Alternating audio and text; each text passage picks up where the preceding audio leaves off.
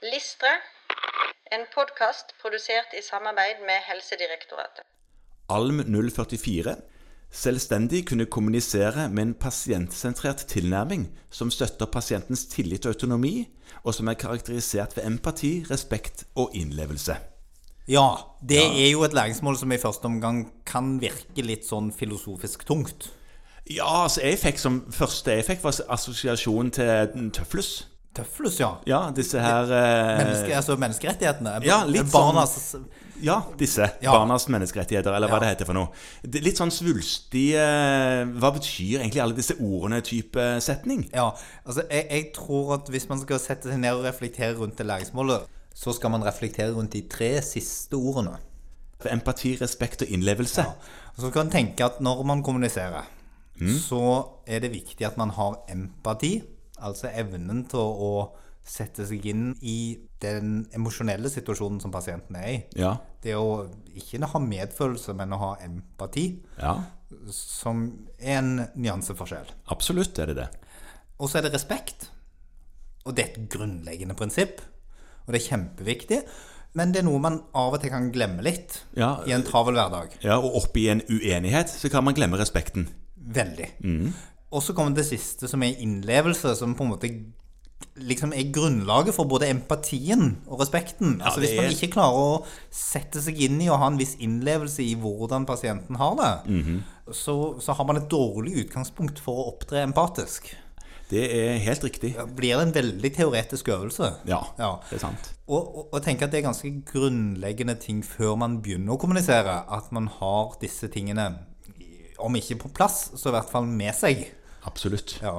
Så, så kanskje ikke så svulstig som man først får opplevelsen av. Nei, kanskje ikke. Og en annen ting som jeg også tenker denne, dette læringsmålet drar litt eh, fram, det er det at eh, det er pasienten som kommer på konsultasjon. Det er ikke din, det er ikke legens time, dette her. Så er det pasientens fokus.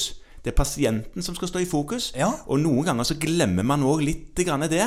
I eh, pasientens narrativ så tar du ofte som lege litt vel stor plass.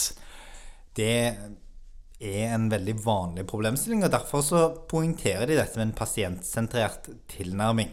Fordi at det som er viktig å huske, er at eh, god kommunikasjon og empati, eh, det kan fremme trygghet hos pasienten. Ja, sånn at eh, man eh, etterlever rådene fra legen bedre, kanskje, og følger opp på en tryggere og bedre måte. Sånn ja, som det. Ja, og så og så blir pasienten ofte da også trygg på at man kan ta opp alt hos denne legen. Ja. Denne legen forstår meg. Ja, Rommer meg. Ja. Tåler meg. Eh, Og da kan man i noen tilfeller faktisk få fram helt sentral informasjon. Som ellers hadde gått tapt. Ja. Dette er noe man skal øve på, som alle ting, eh, og som eh, mange må øve på. Særlig fordi at man kanskje tidlig i eh, en karriere er veldig fokusert på, med god grunn, hva ens egen prestasjon skal være. ja.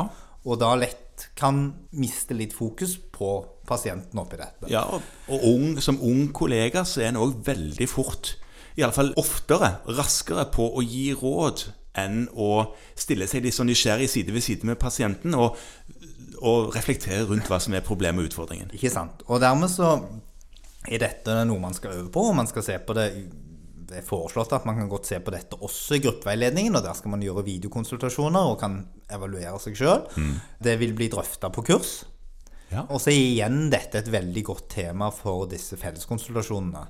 eh, Som man skal ha med sin veileder, der man på en måte kan spesifikt gå inn og se på i hvilken grad man klarer å opprettholde en den, sånn type fokus. Og Dette læringsmålet spiller òg litt grann ball med noe vi har snakket om tidligere, som går på dette med å kunne være veileder for pasientene. Ja, absolutt. Ja.